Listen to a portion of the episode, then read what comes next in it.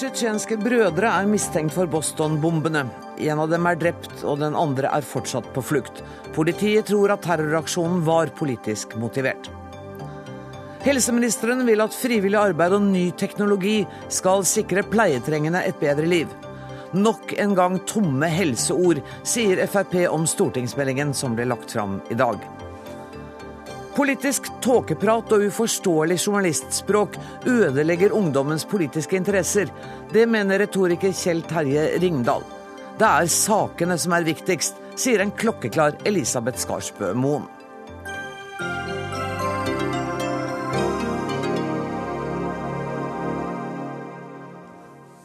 Dette er eh, fredagsutgaven av eh, Dagsnytt 18, der vi starter i USA. To tsjetsjenske brødre er mistenkt for å ha stått bak bombene som eksploderte ved mållinjen på Boston Marathon mandag denne uka. Det melder nyhetsbyrået Ap. En av de mistenkte er drept etter en skuddveksling med politiet, og det pågår nå en massiv politijakt etter den andre antatte gjerningspersonen.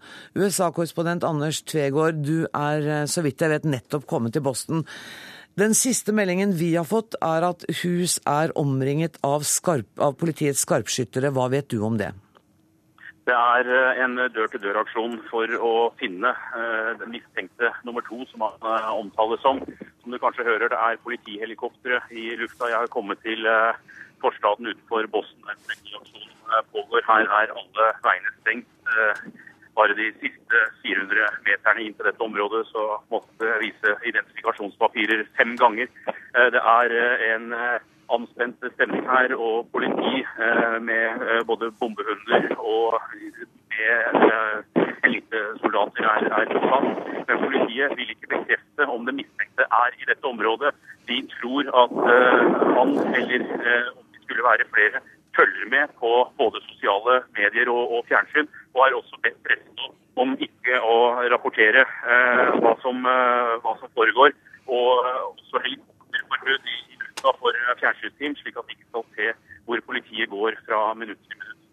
Eh, det har også, CNN har i hvert fall eh, hatt spekulasjoner om at eh, den ettersøkte også har en laptop med seg hvor han sender ut meldinger og får kontakt, sånn at han stadig kan holde seg, holde seg skjult. Har du hørt noe om det?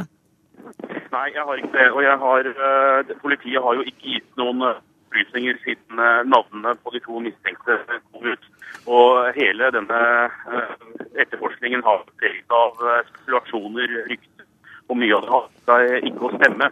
Men eh, politiet har jo bedt eh, media om ikke å fortelle bevegelsene nettopp av frykt for at, eller fordi de tror at de kan følge med på, på, sosiale medier, men detaljene om, eh, som du nevner, de, de eh, kjenner ikke jeg til.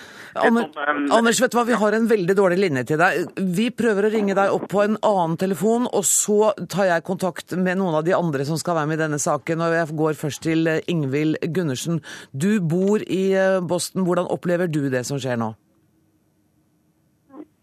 Det er uh, veldig forvirrende, syns jeg. Vi blir bare bedt om å være inne. så... Det virker som at alle i Boston hører på politiet og holder seg inne. Jeg har sett bilder av at det ikke er noen folk ute i gatene noe sted, verken i Cambridge eller Boston. Så det, det er skummelt. Jeg går ut fra at du følger med på TV? Ja. Hva sier de der? Hva sier politiet nå?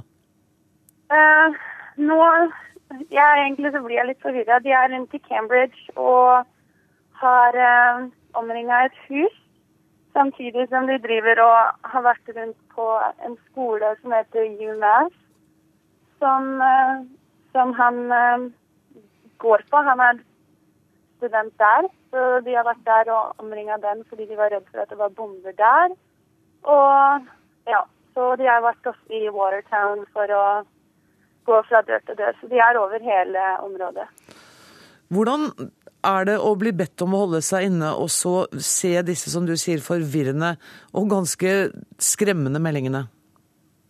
Det er, jeg syns det er skummelt. Jeg har aldri opplevd noe sånt nå før i hele mitt liv. Så man blir jo selvfølgelig skremt av det. Mm.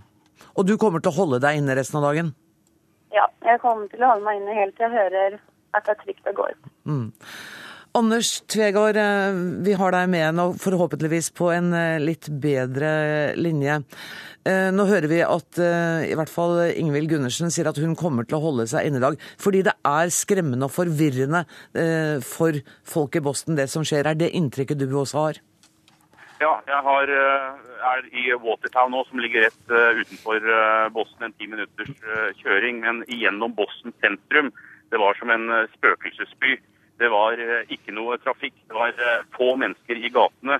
Eh, butikker og kontorer har fått beskjed om å holde stengt. De har altså lukket ned, eller lockdown. Noen ganger så kommer man ikke alltid på hva det heter på norsk. At de har iallfall stengt Storbossen.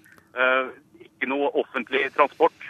Ingen trikker som går. Og dette her er altså en, en flyktig eh, situasjon. Politiet er eh, på jakt etter nummer to, men det kan også være flere familiemedlemmer som er interessante eh, for politiet.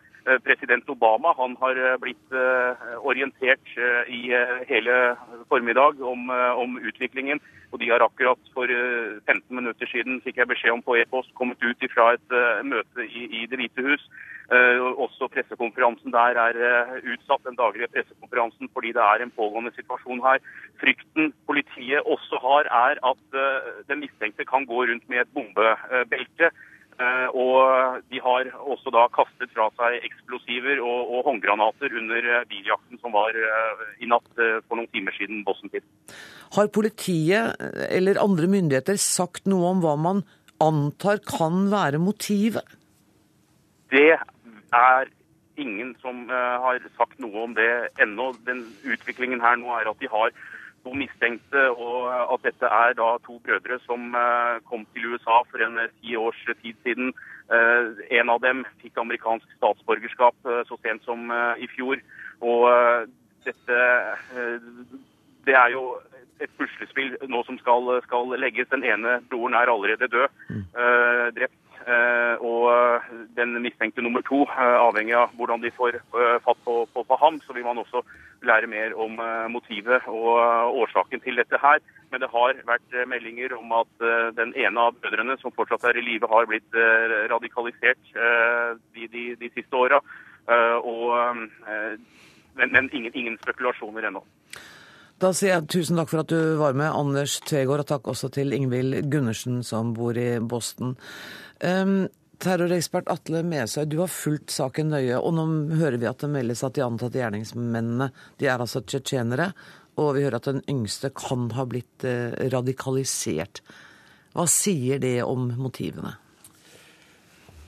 Dersom man er blitt eh, radikalisert, så tolker jeg det dit hen at eh, han har eh, blitt med på Eller han er nå med å støtte den globale Det som benevnes som den globale jihad.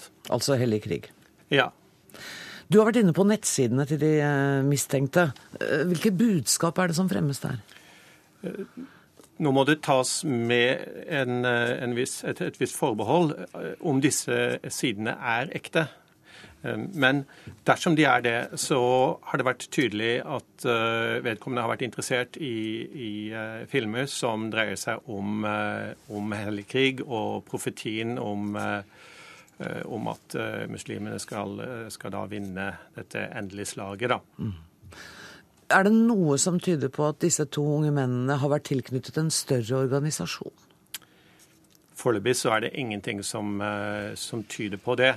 Men eh, sånn som eh, både nettverket i Tsjetsjenia og Al Qaida som det større nettverket har utviklet seg, så, så er dette et, et nettverk av, av, nettverk. Og det er svært vanskelig å si om noen er med eller ikke med. Vi kan bare være med og støtte det i teorien. Mm. Forsker ved NUPI og Tsjetsjenia-ekspert Julie Wilhelmsen. Eh, det, er det overraskende hvis det er riktig at det er hellig krig og at det er tsjetsjenere som, som, har gjort dette? Eh, både ja og nei. eh, ja, fordi at den tsjetsjenske eh, motstandskampen, som så har tatt i bruk veldig mm, terror, mye terror i de siste tiårene for å kjempe den kampen, stort sett har vært rettet mot Russland. Eh, så det er overraskende at eh, det, det, dette er et angrep da mot USA. Det er ikke overraskende, fordi eh, som det ble nevnt her, så så har det foregått en radikalisering av det som opprinnelig var en tsjetsjensk separatistbevegelse. Altså en nasjonalistisk separatistbevegelse fra den første krigen i Tsjetsjenia tidlig på 90-tallet. Eh, så har eh, disse krigerne blitt eh, radikalisert. Bl.a. fordi det har kommet globale jihadi-krigere til Tsjetsjenia og føyet seg til motstandskampen. Og Derfor så er det ikke Det har skjedd en endring av perspektivet blant mange av de som har kjempet på, på tsjetsjensk side denne kampen dreier seg ikke lenger bare om å kjempe mot Russland og vinne tsjetsjensk frihet. Den dreier seg om den store globale fronten. Eh, så slik sett så er det ikke så overraskende. Så må man også huske på, slik som det ble sagt her, at dette er altså mennesker, sannsynligvis, da, hvis det, hvis det stemmer, det som har blitt sagt her, som har kommet til eh, USA eh, som flyktninger mm. fra den andre krigen i Tsjetsjenia. Så dette er eh, unge det... mennesker som har opplevd kanskje utrolig yes. dramatiske ting i sine korte liv? Dette er unge mennesker som ikke har noen erfaring enn å, enn et, å leve i et eh, annet enn å leve i et eh, voldssamfunn, og som godt kan eh, ha hektet seg opp eh, i hva skal jeg si, det, det virtuelle samfunnet som fins, eh, og som nærer radikale, radikalt tankegods, mm. selv om du befinner deg i, i USA. Mm. Og hvor virkeligheten kanskje føles nesten virtuell, den også? inntil du står der Helt og har klart, gjort dette? og det er, jo, det er jo veldig utpreget blant tsjetsjenere. At selv om de ikke bor i Tsjetsjenia lenger, så forlater de aldri mentalt den situasjonen og den krigen de har levd i der over så mange år. Eh, så, så, det vil jeg si at det er ikke Selv om de bor i USA, så, så er, så er, er hjertet og hodet deres fremdeles i Tsjetsjenia. Ja, eh, det er jeg helt eh, enig i. Og eh, det som vi, vi skrev en bok, eller var med og redigerte en bok for noen år tilbake, Stig Jarle Hansen og jeg, og en som heter Tunkai Kardas, hvor vi så på de viktigste konfliktområdene i verden hvor islam var innblandet. Og da var Tsjetsjenia en av de. Og det som da ble en av konklusjonene, det var to konklusjoner i forhold til Tsjetsjenia. Og det var at nasjonalismen var blitt ble eh, brukt i, etter hvert som en hellig krig. Mm. Eh, og det andre, det var at eh, at uh, den globale jihad hvis du, hvis du, skal snakke om at det finnes noe i den retningen, hvor du har da Kall det en clash of civilizations, så er dette på internett. Mm. så er dette i det virtuelle samfunnet som, eh, som Wilhelmsen nevner. Og internett er jo vanskelig å kontrollere og, og overvåke. fordi det, Vi spør oss jo hvorfor har ikke eh, amerikanske myndigheter sett disse mm. nettstedene? Ja, det er svært vanskelig, for det er så enormt mange av de, og noen av de ligger på helt på, på grensen av hva som er, er tillatt, tillatt. Og med en gang de blir tatt ned, så kan de da bare bli tatt opp igjen. Eller eh, registreres under en ny server. Eller. Så det er rett og slett ikke mulig å få oversikt over mulige terrorister? Ikke alle. Um, Julie Wilhelmsen, uh, kan dette være Det er jo første gang at tsjetsjenere uh, er terrorister i denne størrelsesorden i USA. Er, kan dette være begynnelsen? Um, det er, er ikke så godt å si. Ehm, det er ehm, eh, jeg vil jo si, altså bare, jeg kan bare sammenligne med det jeg vet om f.eks. tsjetsjenere i Norge. Mm.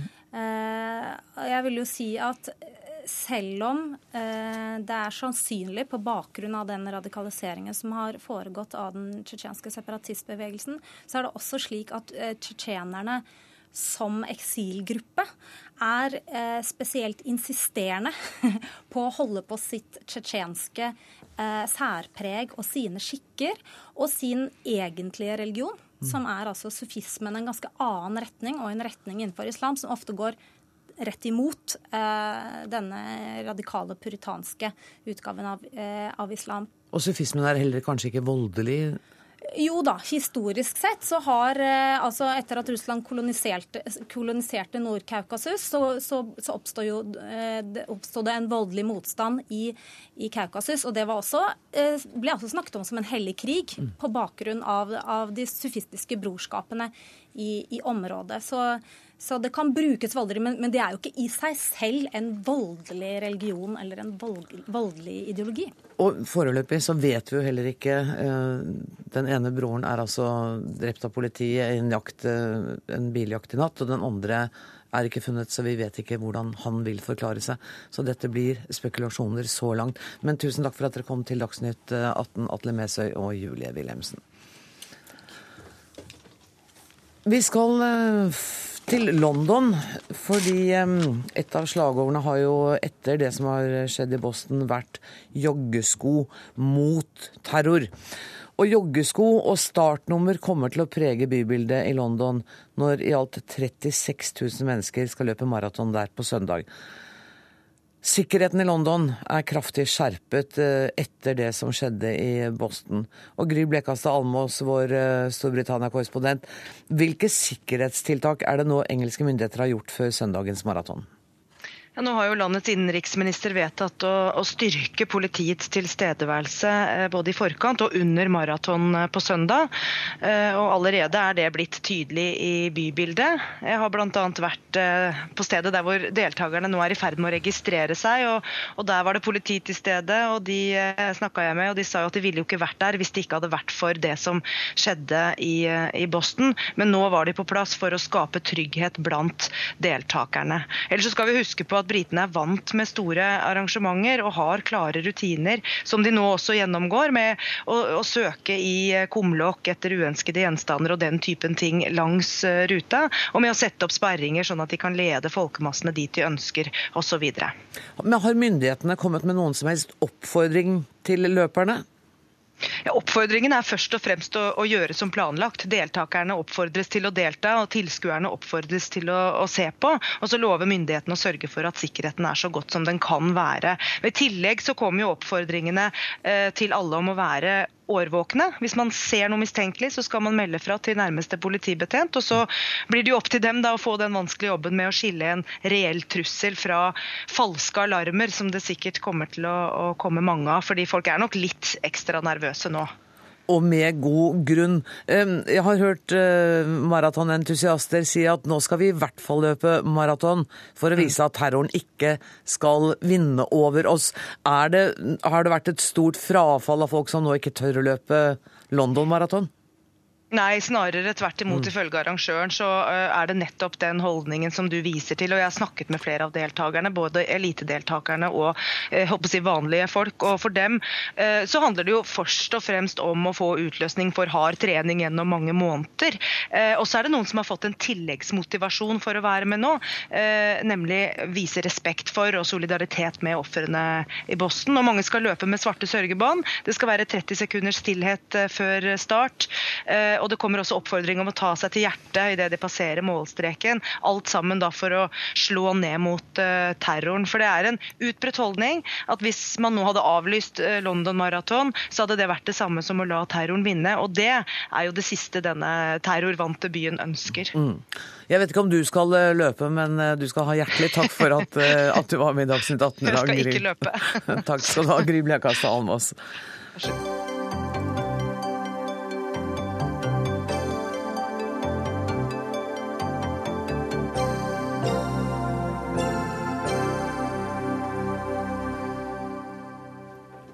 Frivillig arbeid og ny teknologi er noe av det som skal sikre pleietrengende et bedre liv. Dette var noen av punktene da Jonas Gahr Støre i dag la fram stortingsmeldingen 'Morgendagens omsorg'. Og først til deg, helseminister Jonas Gahr Støre. Går det an kort å si, jeg har ikke rukket å lese hele stortingsmeldingen, bare rukket et par kapitler, men, men kan du være snill å si fort hva er de viktigste punktene her? Utgangspunktet er at vi blir flere eldre, og det skjer for alvor om ti år. Så vi har tid på oss nå til å tenke hva betyr det. Ikke se sånn på meg av den grunn. Nei, jeg gjør ikke det. Jeg ser eh, på meg selv. For at jeg begynner å nærme meg, jeg òg. Eh, og det som er kjennetegnet ved de eldre, det er at de blir mer og mer mangfoldige. Eh, med veldig ulike behov. Først og fremst en stor ressurs, for det er mennesker med masse engasjement med relativt god helse. Og det som denne meldingen forsøker å si, er at vi som samfunn må forberede oss på både yte den omsorgen vi tradisjonelt tenker på som eldreomsorg, eh, sykehjem til de som trenger det. Vi kommer til å få flere demente, flere som har den type behov. Men vi må legge igjen større oppmerksomhet om hele rekken, også tilrettelegging for at du kan bo hjemme lenger. Øke kvaliteten i dagtilbud, tilbudene du får når du er på et sykehjem ta i bruk denne nye velferdsteknologien som ikke skal erstatte omsorg, men som kan øke ditt uh, spillerom, mm. gi deg mer trygghet.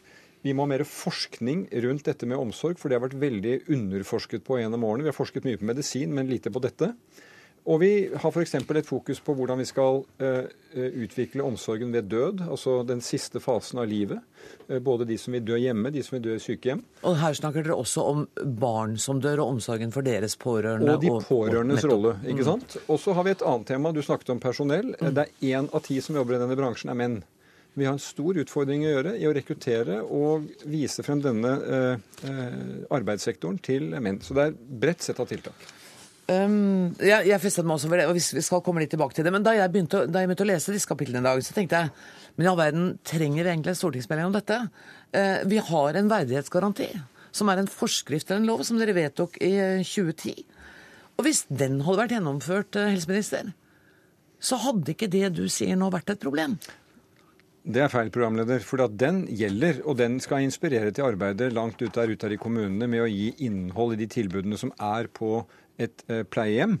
Men denne meldingen tar jo da som sagt utgangspunkt i at hvis vi kan kalle det morgendagens eldre, da, når denne økningen kommer, mange av dem kommer til å ha et ikke noe behov i det hele tatt for eh, assistanse utenfra.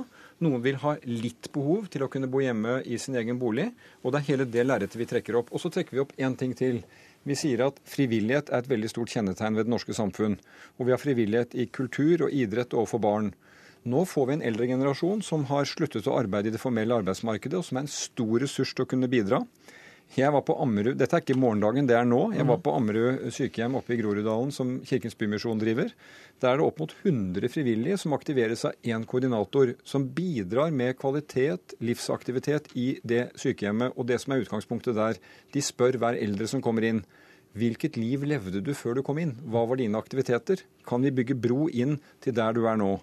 Så jeg tror denne meldingen er en optimistisk og positiv melding. Det er ikke en problemmelding. Den sier at eldre mennesker kommer til å stille større krav om aktivitet, om kvalitet, om medvirkning. Eh, og vi sier at vi er i den heldige posisjon at vi faktisk har noen år til å forberede oss.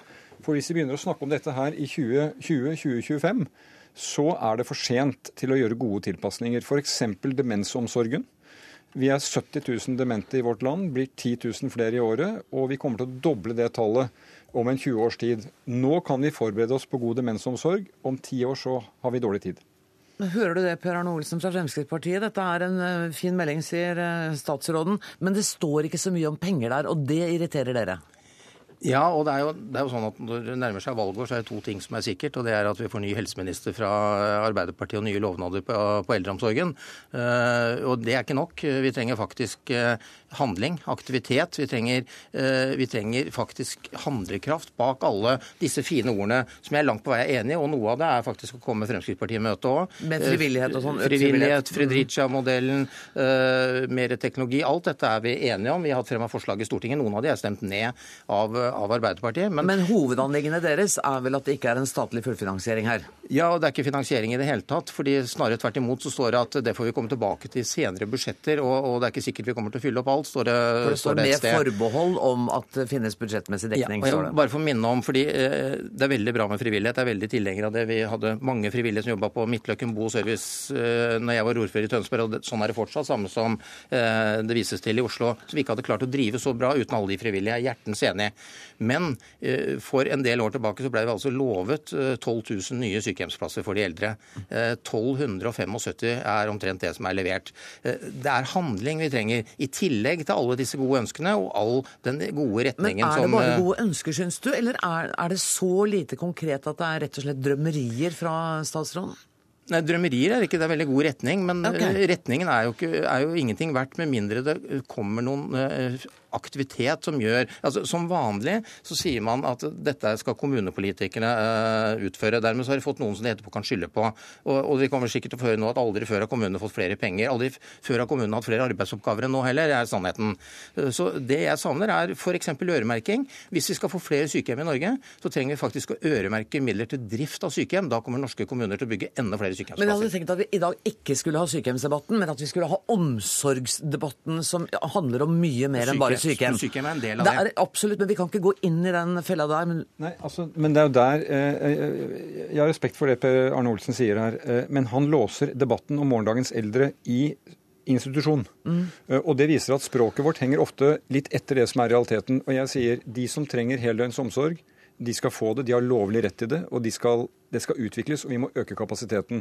Og vi er i rute med nye plasser, med flere utdannet personell, med, med opprustning av det.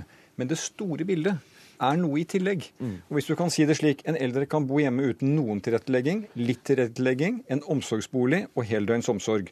Og De andre leddene må vi også løfte opp, for det er det som er morgendagens omsorg. Men jeg må si, uh, statsråd, da jeg leste den, så, så ble jeg også litt sånn Nei, jeg har bare lest i to, to kapitler. Unnskyld, jeg beklager det. Men jeg, er ikke så dårlig det siden Nei, men det er ikke dårlig siden klokka to i dag. Nei, men, og, og, jeg blir litt sånn matt av språket. Altså, vi, vi, som da er i ferd med å bli godt voksne, vi skal oppfordres til å være en ressurs i eget liv. Morgendagens helse- og omsorgstjenester må utformes og utføres i et samspill mellom kommunale og ikke-kommunale aktører, med fotfeste i det sivile samfunnet, og meningsfull, meningsfull utfoldelse av selve livet vil stå sentralt i omsorgstjenestene det, det føles så en veldig avstand mellom virkeligheten og det dere beskriver. Ja, Det er jeg lei meg for hvis du leser det sånn, for for meg så er dette helt det motsatte. Altså, Å være en ressurs i eget liv. Ja, men, men tenk deg, nei, men hva betyr det? Det betyr at du i ditt eget liv får anledning til å si hva er viktig for meg. Hva slags liv skal jeg leve når jeg nå er eldre? Hva trenger jeg av hjelp og tilrettelegging? Det ideelle vil jo være at hver enkelt eldre blir sett som et individ med sine behov i et veldig stort mangfold. Det er ikke A4-størrelser. Og hvis du skal kunne leve et liv i tråd med dine ressurser, som vil være forskjellig med din jevnaldrende som har behov for en helt annen hjelp, så må du bli sett. Og det denne meldingen forsøker å løfte opp, det er at vi må som kommuner, som helsevesen, som omsorgssamfunn, og i samspill med det sivile samfunn er en annen måte å si de frivillige, de som er i lokalsamfunnet. Se på hvilket bidrag gir du i ditt samfunn som eldre hvis du har ressurser til det, og hvordan kan samfunnet i tillegg til de som jobber profesjonelt i omsorgssektoren, være med eh, og gi ditt liv eh, innhold. Noe av det mest spennende jeg gjør som politiker, er å dra på seniorsenter og eldresenter og holde innlegg. Det er de mest krevende forsamlingene du møter, for der sitter det virkelig folk med erfaring eh, og er kritiske. Altså aktiviteter i den eldre fasen av livet er viktig for livskvalitet, akkurat som aktiviteter er i den fasen av livet du og jeg er i. Jeg har bare feillest, Edda Olsen. Nei, og, og, men, men, vi må gjøre to ting på en gang. Altså, Vi må legge til rette for den aktiviteten. Det er verdifullt både for den som får hjelp, men ikke minst for de som får være med i den aktiviteten. Mm. Jeg har møtt mange gamle som syns det er storveis for å være på sykehjemmet og hjelpe til, uh, hjelpe til med de gamle, som de sier, selv om de kanskje er like gamle selv. Uh, men det kommer, kan aldri erstatte den andre omsorgen. Og det, å ta, og det å ta mennesker på alvor og se de gamle også som ressurs og som enkeltindivider, er jeg hjertens enig i. og det har Fremskrittspartiet ment hele tiden. Ja. Derfor har vi bl.a. foreslått at norske kommuner skal gå, reise hjem til de som er i ferd med å bli eldre, kartlegge hva er deres behov, sørge for at de kan bo lengre hjemme i, og være lengre til stede i eget liv, som det sies. Da må man gjøre den type vedtak hvor kommunene settes i stand til å fullføre denne politikken, og ikke bare av ord og fin prosa, som du da leste i stad. Ja, jeg må få si da, eh, programleder, at det er jo sånn at vi da har overført titalls milliarder mer til kommunene. Eh, eh, det er tilskuddsmidler til å bygge disse sykehjemsplassene. Så, så i, i, forhold til eh, et alternativ med å skulle gi disse titalls milliardene i skattelettelser, så tror jeg dette er en bedre oppskrift. Og det er sikkert bare meg som har hurtiglest og feillest, og, og, det kjennes litt abstrakt. Derfor har jeg invitert deg, Åsne Havnelid. Du er generalsekretær i Røde Kors, og dere har kommet med en rapport hvor dere bl.a. har snakket med seks eldre mennesker og hørt om deres behov, og dere kan veldig mye om hvordan eldre Hva de trenger, og hva de vil ha. Er denne stortingsmeldingen her svaret?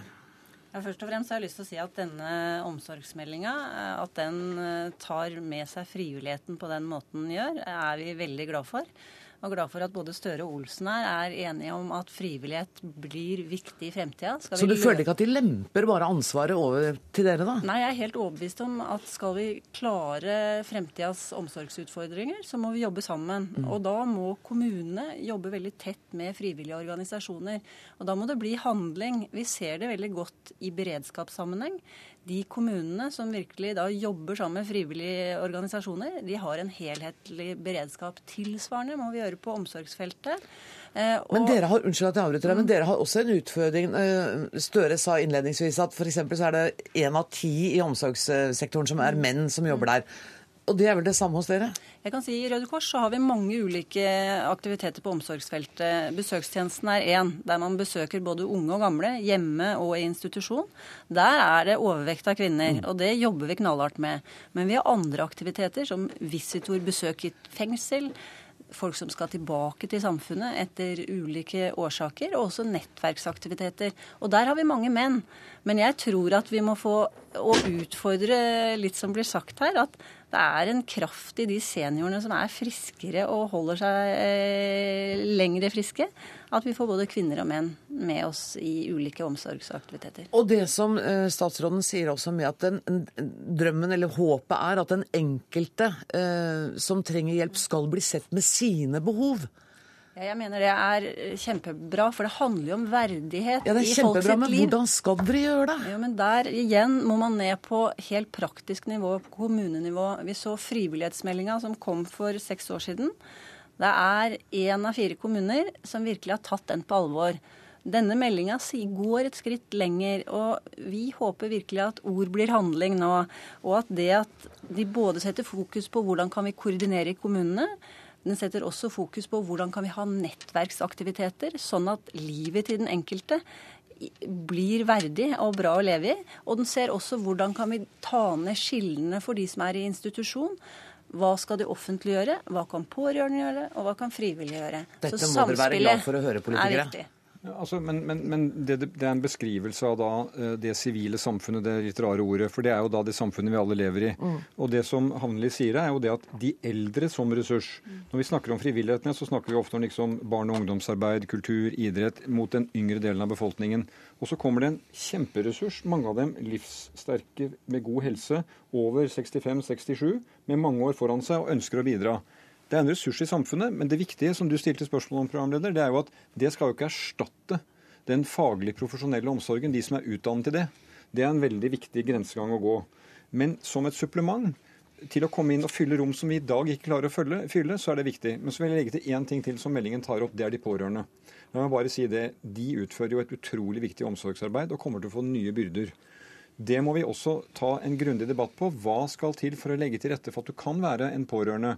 Kompensasjonsordninger, eh, permisjonsordninger, støtte til det. For uten de pårørende som i dag yter omsorg, så eh, er vi ille stilt. Det kan aldri det offentlige eller de frivillige ta over for. Vet du hva, etter at dere tre var i studio, så ser jeg litt lysere på framtida. Tusen takk for at dere kom, eh, Jonas Gahr Støre, Per Arne Olsen og Åsne Hamli.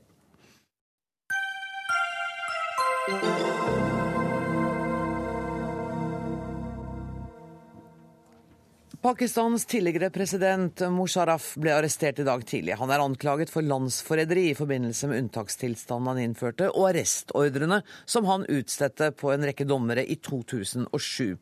Atta Ansari, du er journalist her i NRK, kollega, men du er født i Pakistan, oppvokst i Norge, og du har fulgt Musharraf siden han kom til makten etter et militærkupp i 1999. Hva var grunnen til at han ble arrestert i dag? Altså, Han har jo flere beskyldninger og anklagelser mot seg. og Den viktigste av dem alle er nok kanskje det med å ha misbrukt og krenket Grunnloven. Mm. Uh, I en periode så var han jo både militærsjef og eh, president i landet. Og dette gikk jo en del av dommerne imot. Man kan i, altså ifølge Grunnloven ikke ha to så mektige roller. Så han altså, har brutt Grunnloven? Han har brutt Grunnloven, mener jo da, da disse dommerne den gangen. Uh, og det er den viktige, en av de viktigste anklagelsene. En annen er at eh, det var jo han som var president da Benazir Bhutto ble drept. Mm. Og han beskyldes for å, ikke ha gjort nok for å gi henne da god nok beskyttelse. Den tredje viktigste anklagelsen går ut på en politisk eh, leder som het Bukti i provins Punjab, ble drept i en militæraksjon etter en direkte ordre fra president Musharraf, som anses å være en politisk drap. Han har vært i eksil i noen år. Så kommer han tilbake, vil stille som president, og så sier det nye regimet at nei. Mm. Nei. Nei, altså han, eh, han, eh, har nok kanskje kalkulert litt feil, eh, vil jeg si. Og trodde vel kanskje at i den tiden han var president og hadde makt i landet og liksom da kunne nyte godt av det, at han kanskje kommer tilbake til liksom det samme type land eller landskap. Han har nok miskalkulert veldig når det gjelder den politiske vinden, hvilken vei den blåser. Ja, For han har ikke den samme posisjonen i Pakistans befolkning som Benazir Bhutto f.eks.? Nei, på langt nær. Altså, han er jo en militærmann som kuppet makten ved å liksom da avsette en lovlig folkevalgt eh, statsminister. Mm. Uh, dessuten så har han jo ingen særlig politisk erfaring utenom den han på en måte da ranet til seg uh, gjennom å kuppe makten. Han har aldri vært noen særlig populær politisk leder. Han har gjort en del politiske feil og, og feilgrep under sin tid som, som kanskje ingen sivil sivile politikere ville ha gjort. Og så gikk det rykter i går om at han var på flukt. Det var han ikke. Han hadde bare dratt hjem etter rettsmøtet og har meldt seg igjen nå. Hvis han blir dømt, hva slags straff risikerer han? Uh, altså Han kan jo bli dømt for landsforræderi. Det snakkes om nå om det kanskje skal da settes opp en hurtigarbeidende domstol som da skal kanskje rydde av den saken før valgkampen skikkelig kommer i gang, for det er jo valg i 11. mai. Uh, en annen mulighet er at han kanskje blir Eh, løslatt på kausjon og vil liksom, være nødt til å leve i en sånn nedverdigende situasjon i mange år fremover. At hans bevegelsesfrihet vil være hemmet. Han har ikke lov til å reise ut av landet. Han kan ikke delta i politisk virksomhet. Av tidligere partiet hans, som han selv stiftet når han kom til makten ved et kupp, har jo også snudd ryggen til ham. Det betyr at Pakistan kommer til å være i nyhetsbildet i hvert fall fram til 11. mai og valget. Tusen takk for at du kom til Dagsnytt 18, Atta Ansari.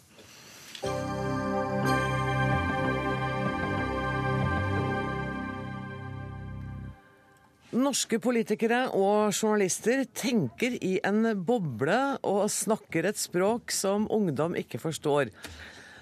Nå kommer det gjester inn i studio. Du skal få lov å sette deg, Kjell Terje Ringdal, før jeg stiller deg det første spørsmålet. Det er du som har skrevet dette om eh, den språklige bobla. Du skrev det i Aftenposten i dag. Og du hevder at politikerne bruker tåkespråk. Um, jeg bør nesten ikke å si hva mener du med det, for da kommer du til å bare si hør på det forrige innslaget dere hadde om, ja. om helse. Ja. Uh, jeg tror at uh, det utvikler seg, ikke bare pga. politikerne, men altså det har utviklet seg et fenomen hvor eh, man eh, som politiker og journalist befinner seg inne i en kokong. Inni den kokongen så er det et stammespråk, en måte å snakke på, som handler om at politikerne må sørge for at man ikke blir tatt og ikke sier noe feil, for da blir man tatt av journalisten, som kjenner alle triksene til politikerne. Det betyr at det det blir en sånn slags sånn intern, eh, et internt fenomen hvor politikere og journalister snakker til hverandre, og kanskje til noen av oss her ute. Sånn at når vi da eh, prøver å få en politiker til å forklare eller presisere, så er det en del av det internspråket og en del av det spillet som vi liksom holder på med sammen? Ja. ja. Eh, Civita eh, hadde en undersøkelse i forbindelse med valget i 2009, hvor man altså gikk inn i alle debatter, og så så man på norske journalisters eh, hang til å avbryte, stille kritiske spørsmål, ha en konspiratorisk tilnærming til politikerens utsagn, og fant at det var en større grad av tvil mellom partene i Norge, altså norske journalister og politikere, enn det er i Sverige og Danmark. Noe som altså skaper en spesiell tone og et spesielt språk. Men det skulle jo ikke tilsi at vi var inne i samme kokong. Skulle, det tyder jo på at det er større mistillit mellom journalister og politikere? da? Ja, men de bor inne i den samme kokongen. Okay. Eh, og snakker eh, seg imellom der inne på en helt spesiell måte, som gjør at veldig mange tenker dette er ikke noe for meg, dette får de holde på med, og det er jo veldig synd. Elisabeth Skarsbø Moen, er du inne i kokongen med politikerne? Jeg prøver å være så lite som mulig, men det er klart at det er en fare for det. Det ser jeg at det er en sjargong. Det utvikler seg et Ikke sant? språk. ikke sant? Når du sitter i stortingsrestauranten, så utvikler det seg en måte å snakke på. Det, og det er veldig farlig, syns jeg. fordi at du, f- Du må får ikke ikke gå avdekk... dit så mye. Nei, nei. Men det avdekker jo ikke en del reelle problemstillinger, da. Eh, Og det er farlig at vi ikke snakker om virkeligheten, at vi begynner å snakke om veldig sånne abstrakte begrep. Men jeg syns at det viktigste, eh, det hovedproblemet som gjør at vi ikke at vi får manglende engasjement blant yngre, det er at sakene er for kjedelige. Mm. Nå har vi landsmøte i Arbeiderpartiet der statsministeren nå sto og sa at han går til valg på å være kjedelig, eller uspennende. Du vet, Det stussa jeg også på. Og eh, vi har Erna Solberg på andre sida, som går til valg på å eh, mene minst mulig. Og det, begge to har som mål å gjøre Norge litt bedre. Det er det eneste vi vet. Altså, det er litt sånn hvilken tjeneste skal vi gjøre gratis neste år? Og Det er jo en politisk debatt som ikke setter opp veldig store skillelinjer, og som ikke er egnet til å engasjere. Men Skarsbø Moen, eh, det Ringdal også sier, er at det er journalistene og politikernes skyld at eh, unge mennesker ikke skjønner filla av den politiske debatten, ikke blir engasjert, ikke leser politisk stoff i din avis. Jo, de scroller VG, leste jeg. Eh, og at de da ikke stemmer valget. Det er på en måte din og min og noen få andre menneskers skyld. Ja, og det er jo sånn at Politisk interesse vokser nok også med eh, alderen. Altså I det øyeblikket du får barn, blir du mer politisk interessert, for da blir barnehager, skole og den type ting mer interessant, tror jeg, for mange. Eh, Og I ungdomstida så er det et fåtall som er politisk sterkt engasjert. Men det er jo en generasjonsutfordring her, helt klart. Og jeg tror at vi i media bør ta til oss også at vi nok ikke reiser de sakene som yngre generasjoner er opptatt av. Og Eskil Pedersen som AUF-leder tok opp dette i en kronikk i VG nyttårsaften og sa at snart går vi videre et, uten dere. Fordi at vi lovte jo alle sammen, både medie og politikere etter 22. juli, at nå skal vi høre ungdommen mer, og der har vi nok svikta. Eskil Pedersen. Du klarte å bli eh, politisk engasjert enda det sto så dårlig til med bobla og språket og den internkommunikasjonen mellom journalister og politikere. Ja, jeg meldte meg inn når det sto enda dårligere til med det gjør nå. Eh, så jeg er jo ikke enig i at dette Arbeiderparti-landsmøtet er, er så kjedelig. Jeg syns det er veldig spennende. Nei, og vi tar mange viktige debatter. Nei, men altså, jeg tror at eh, alle politikere eh, har vel egentlig, tenker vel egentlig at de burde være tydelige. Eh, og jeg jeg tror det er et utrolig konkurransefortrinn som politiker hvis du er tydelig. Eh, Da blir du mer interessant. Folk skjønner hva du sier, folk heier på deg, folk lytter til deg. Eh, og så eh, har jo dette her sikkert mange navn, men det navnet det også har, er jo politikerspråk. At eh, vi bruker mange ord som finnes i stortingsdokumenter og regjeringsdokumenter og i partiprogrammer, og så begynner vi å ta det inn i dagligtalen og i svarene våre til, til journalister også. Og så spør journalistene på en måte og skriver på en måte som er i, i tråd med det. Så vi bruker Men kunne man ikke snudd det? Kunne man ikke tenkt at da gjør vi om regjeringsnotatene og stortingsmeldingene og gjør det språket tilgjengelig? Eh, Jeg har sittet og lest en stortingsmelding i dag som jeg virkelig ikke skjønte så mye av. Jo, det kunne vi sikkert gjort, men vi kan jo bare begynne å snakke litt tydeligere og, og mer folkelig på en måte som vi, som vi snakker ellers i, i eh, hverdagen vår. Så hvis vi klarer å gjøre det som politikere, så tror jeg det er lurt. Men så tror jeg også at det er eh, flere grunner til at det blir sånn. Fordi at eh, det å være veldig tydelig, det kan også ha litt kostnader. Eh, Fordi at eh, det er ikke alltid saken og det man faktisk sier som blir overskriftene og innholdet i mediedekningen. Det er spillet. Og da lønner det seg ikke alltid å være tydelig, fordi at da kan du eh, bli karikert, eller du kan tillegges ting du egentlig ikke mener, og da har vi det i gang. Så eh, politikere safer og bruker en del sånne ord som kan bety flere ting, fordi journalistene eh, misforstår deg med vilje. Så tror jeg at vi har fått en byråkratisering av politikken da. Ikke sant som vi snakket om i stad, at vi har fått en veldig kjedelig politisk eh, elite. Det siste, den generasjonen som har vært nå under Jens Stoltenberg, syns jeg er en veldig kjedelig politisk generasjon. Antakeligvis er det noe av det kjedeligste vi har hatt på lenge. Og som er veldig øko økonomisk orienterte og mot å gjøre det riktige, og prega av byråkratiet. Og det preger jo igjen språket, eh, tror jeg, da. Men jeg syns jo det Eskil Pedersen sier om at politikerne må helgardere seg, og da blir språket litt ullent, fordi vi er ute etter å misforstå Jeg syns også politikere er litt redde for litt bråk. Det må ikke være det. altså. Da blir det gøyere hvis det kan bli litt mer bråk. Og jeg, jeg tror at vi, vi tåler litt mer eh, å gå høyt ut på banen. Og vi tåler også og, og norske folk. Det er omtrent umulig å holde på dårlig, rykte i, Norge, for folk er så velmenende at de vil tilgi deg etter ti minutter likevel. Så det er ikke farlig å gå ut der, altså. Rindal trenger vi politikere som tåler litt mer bråk? Ja, og jeg er jo helt enig i at det, jeg tror de tåler mer enn det de tror. Eh, og bare honnør til Eskil. Veldig klar tale. Veldig klokt og godt det du sa i stad. Eh, jeg tror at veldig mye bunner i frykten. Frykten for sånne som Elisabeth, som da eh, skal finte dem ut og gi dem en overskrift de ikke vil ha. Det, dette handler jo også om å oversette hva politikk er. Eh, jeg var med i en debatt eh, for et par timer siden hvor altså ungdommer sa at ja, jeg er jo kjempeinteressert i bygda mi og distriktene, og miljøet syns jeg er kjempespennende, og fraflytting og sånn. Og så sier journalisten men eh, det betyr at du er interessert i politikk, det da? Senterpartiet f.eks.? Nei, nei, ikke i det hele tatt. Så koblingen mellom livsopplevelsen, det at jeg faktisk er interessert i rettferdighet, nød, fraflytting, og partipolitikk, mener jeg at man burde altså, bli flinkere til å etablere. Men her må vi huske at vi har en ung generasjon da, som ofte mange, mange har studert i utlandet. Mange har flere mm. mastergrader, slik har det blitt. blitt. Så at Du nevner Hadia Tajik i dag på, som et eksempel på ei som snakka dårlig. Jeg er uenig i det. Jeg tror hun kommuniserer godt med sin eh, generasjon, fordi at de eh, er så høyt utdannet som hun, og de snakker på den måten mange.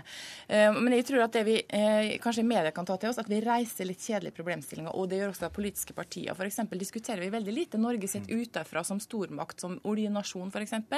Du kjemper nå en kamp på landsmøtet mot Lofoten. Vi diskuterer veldig lite hva norsk olje, eh, mm. oljepolitikk har å si eh, i sammenheng med klimautfordringer i verden. Den koblinga diskuterer vi altfor lite.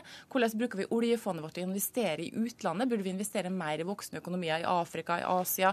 Den type problemstillinger tror jeg vil eh, mer internasjonale problemstillinger å se Norges rolle utenfra. Og det er mer for oss journalister også. Mer konflikt. Nå skal jeg gi et eksempel. Foran valget i 2009 så spurte Nina Oving på, eh, på TV alle partilederne hva er din visjon, hvorfor driver du med politikk?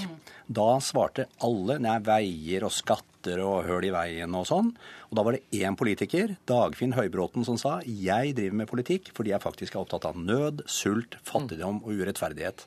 Han var den eneste av dem som torde og ta opp de store problemstillingene til fordel for liksom, de Men det tror jeg også har vært en målene. tidsånden, da, at vi har vært i en tidsånd, sånn, et, sånn nyliberalisme, der det å være litt radikal har vært litt sånn Oi, da får du litt sånn klapp på kinnet. Er du radikal, du, da? For det er liksom noe veldig naivt. Og det håper jeg egentlig snur snart. Altså, jeg tror politikerne og partiene har kjempemye å tjene på å snakke eh, på en måte som folk forstår. Eh, så det er konkurransefortrinn hvis man klarer det.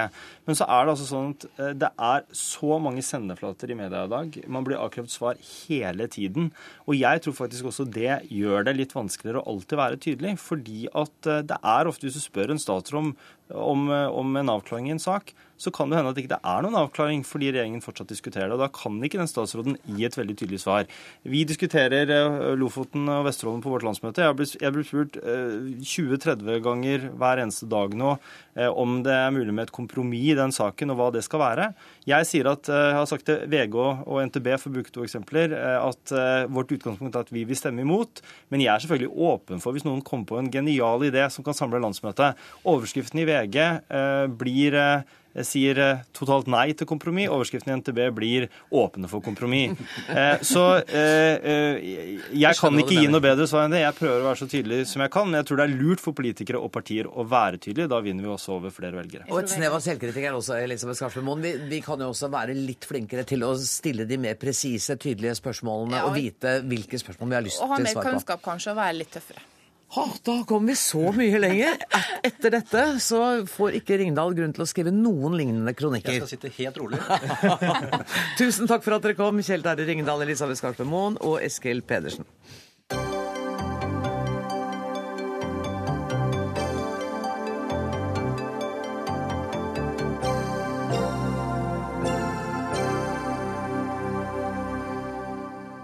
I dag vedtok Konkurransetilsynet at Norgesgruppen og ICA midlertidig må stanse sitt samarbeid om innkjøp. Begrunnelsen er at samarbeidet kan skade konkurransen, bl.a. gjennom utveksling av informasjon, og derfor være i strid med konkurranseloven. Så langt kom jeg, og så tenkte jeg må ringe en som kan forklare meg dette, og ringte kollega Steinar Medios, økonomikommentator her i NRK.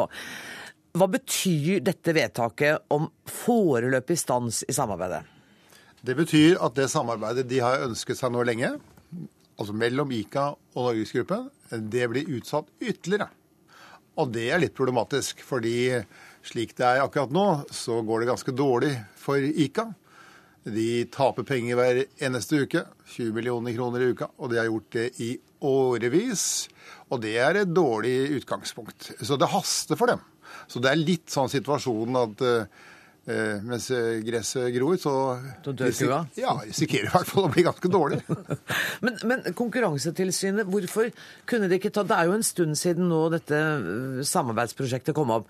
Hvorfor har det tatt så lang tid å komme til avgjørelse om en midlertidig utsettelse?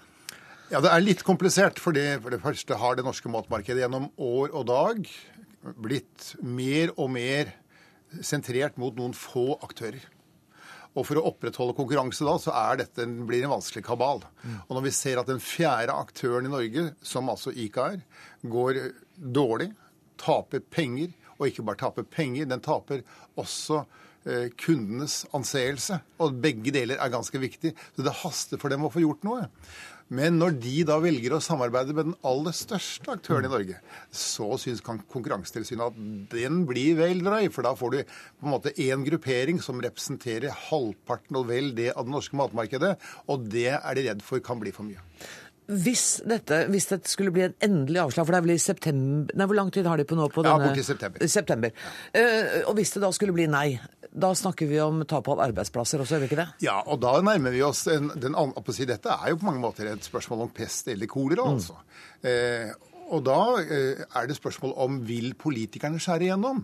Fagbevegelsen, som har mange medlemmer, har endt opp med å si at de går inn for at ICA og Norgesgruppen skal få samarbeide.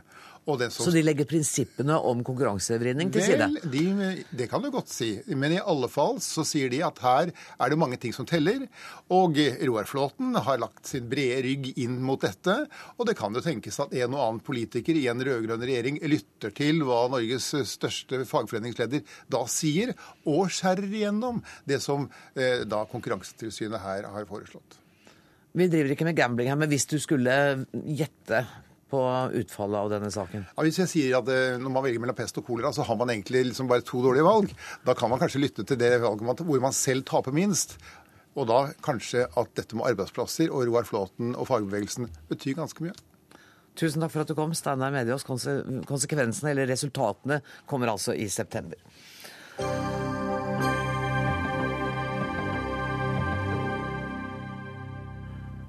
Vi skal eh, snakke om musikk de siste minuttene av dagens Dagsnytt 18. For 'Soloppgang' heter en nyskrevet kantate av Ketil Bjørnstad. Tekstene er Edvard Munchs. Og i morgen fremføres verket i Oslo domkirke med sangere fra Norges Korforbund, cellisten Åge Kvalbein, solisten Solveig Ansnes, bare for å nevne noen av de førsteklasses musikerne som skal være sammen med deg i morgen kveld. Ketil Bjørnstad, velkommen hit. Tusen takk. Du, det er ikke noe altså, kantate for å hylle Edvard Munch og bruke hans tekster. Eh, Du kunne ikke ta på deg et større prosjekt, da? Nei, altså det, det er ikke stort nok ennå, skjønner du. Så lille meg er bare starten, tror jeg, på noe som bør bli en full, full oppdagelse av at Munch var forfatter. Han hadde et litterært prosjekt ved siden av bildene sine. Han skrev hvert eneste motiv som en kortnovelle, og han skrev hele livsfrisen som litteratur. Skrev han godt? Jeg mener jo det. Jeg mener jo at han i store altså, egentlig mest uh, er han på nivå med Strindberg. Det er en veldig rå, tilhugget sånn presens-stil. Veldig, veldig nervøs, moderne. Og du blir tatt Jeg merker på mennesker jeg snakker med om det, som har lest tekstene hans, de blir jo nesten besatt av det, vet du. er det sant? Ja, faktisk. Jeg har, jeg har lest så lite av det, men det, det lille jeg har lest, det er utrolig mørkt, altså. Det er mørkt, men det er jo bildet nå, da. Men så er det lys der òg, da. Ja, altså. det, det, det må vi ikke glemme. Og det er jo hele tiden kampen med lyset og mørket. Og han sier jo i et, en tekst som vi skal fremføre i morgen, at han går langs en smal sti, og så er det et stup, et bunnløst dyp på den ene siden, og så er det den trygge verden med bare, menneskene. må bare høre med vaktsjefen om vi har det lille kuttet ligger Akkurat den setningen der har vi nemlig liggende. Det er helt urettferdig, Bjørnstad, å Ja. spille ti sekunder, men la oss høre likevel. Jeg går langs en smal sti. Et bratt stup på den ene side. Skjærer meg hjertet å spille så lite, men et bratt stu på den ene siden. Var det hele livet hans som var sånn? Ja, og det er jo så lett å følge i litteraturen. For der blir vi jo deltakere helt inn på et veldig detaljplan. Han skrev jo f.eks.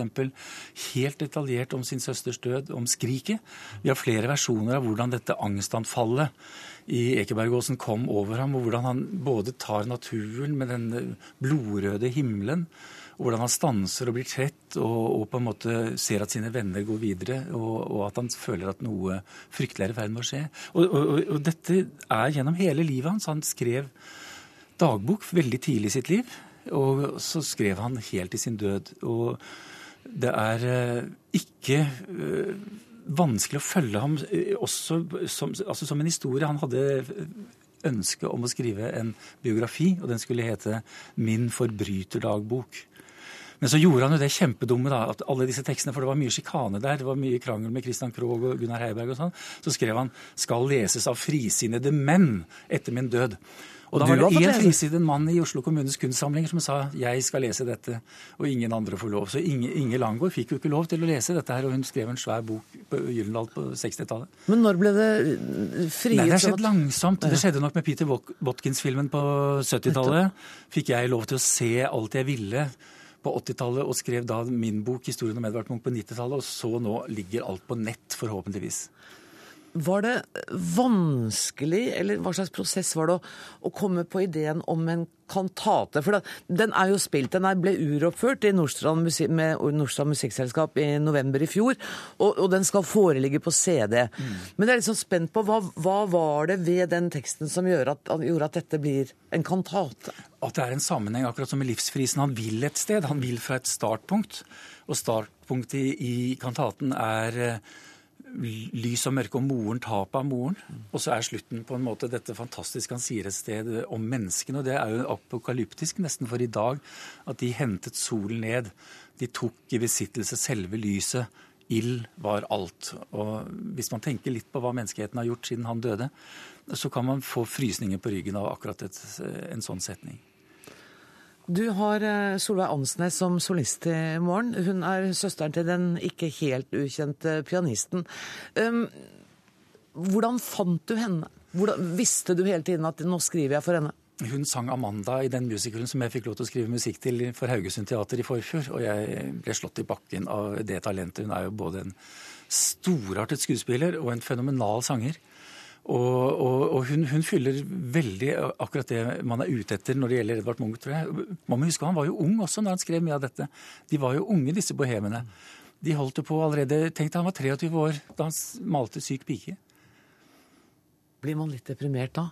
Når man tenker liksom hvilket talent og hvilket... Nei, man blir rørt, syns jeg. Man, man, jeg, jeg, tenker over egen innsats. Ja, ja, ja, det blir men den, den, er jo uansett ødelagt. Så jeg mener, vi er jo ikke, i stand til å forstå Men det er, det er en sånn evig kilde, altså. En brønn er det, rett og slett.